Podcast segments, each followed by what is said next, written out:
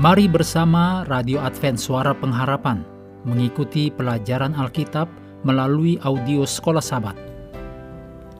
Selanjutnya, kita masuk untuk pelajaran Senin 31 Juli.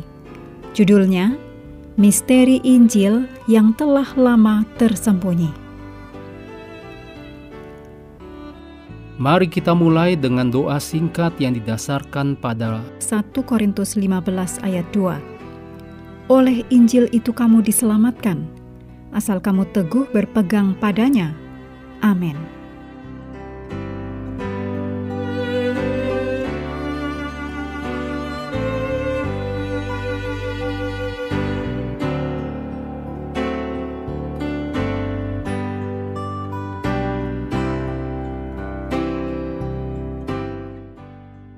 Efesus 3 ayat 1 sampai 6 memuat misteri yang telah dipercayakan kepada Paulus.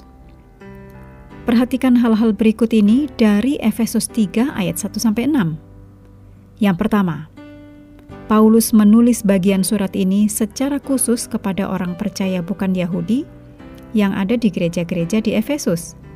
Demikian dalam Efesus 3 ayat 1.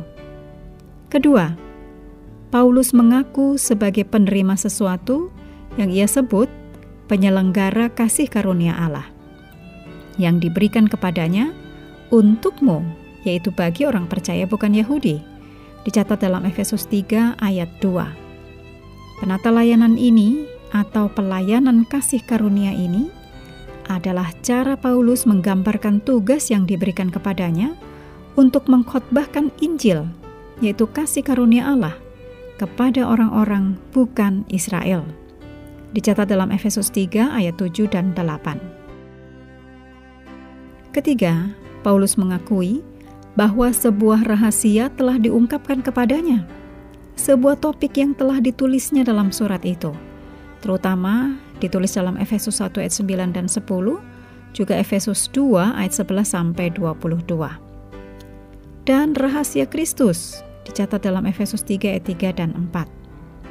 Paulus tidak ingin dimengerti sebagai yang menemukan Injil, tetapi dia mengaku sebagai pelayanan yang diberikan Allah untuk memberitakannya.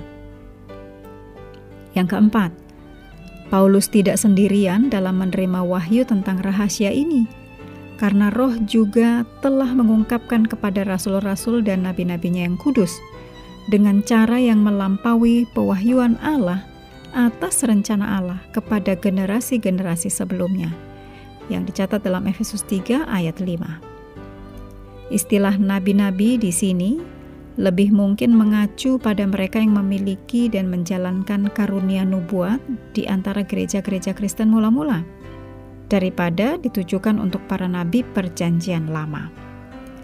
Rahasia yang dulunya tersembunyi kini telah menjadi apa yang kita sebut rahasia umum Akhirnya, Paulus menyatakan bahwa orang-orang bukan Yahudi, karena berita Injil, turut menjadi ahli-ahli waris dan anggota-anggota tubuh dan peserta dalam janji yang diberikan dalam Kristus Yesus. Demikian dicatat dalam Efesus 3 ayat 6. Paulus bersemangat tentang Injil dan terutama tentang bagaimana Injil itu diungkapkan dalam gereja yang terdiri dari orang Yahudi dan orang bukan Yahudi. Kedua kelompok ini telah menjadi dasar pembangunan komunitas baru Allah, bentuk yang baru dari kemanusiaan, yaitu gereja. Dicatat dalam Efesus 2 ayat 14 sampai 16. Kita dapat mengatakan bahwa mereka sekarang diubah menjadi ahli waris bersama, memiliki tubuh yang sama, termasuk dalam satu tubuh yaitu tubuh Kristus. Dan menjadi rekan dari janji Injil, seperti yang ditulis dalam Efesus 3 ayat 6. Renungkan, apakah masih ada sikap bahkan mungkin yang di bawah permukaan yang mungkin masih kita pegang dan ternyata bertentangan dengan persatuan yang diajarkan oleh Injil. Mohon tuntunan Roh Kudus untuk cara menyingkirkannya.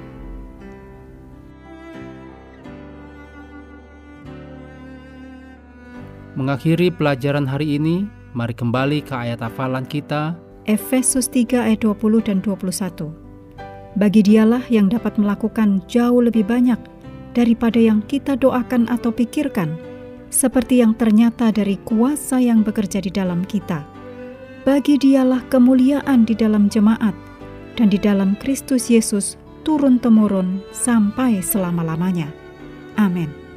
Kami terus mendorong Anda bersekutu dengan Tuhan setiap hari, bersama dengan seluruh anggota keluarga, baik melalui renungan harian, pelajaran sekolah sahabat, dan bacaan Alkitab sedunia.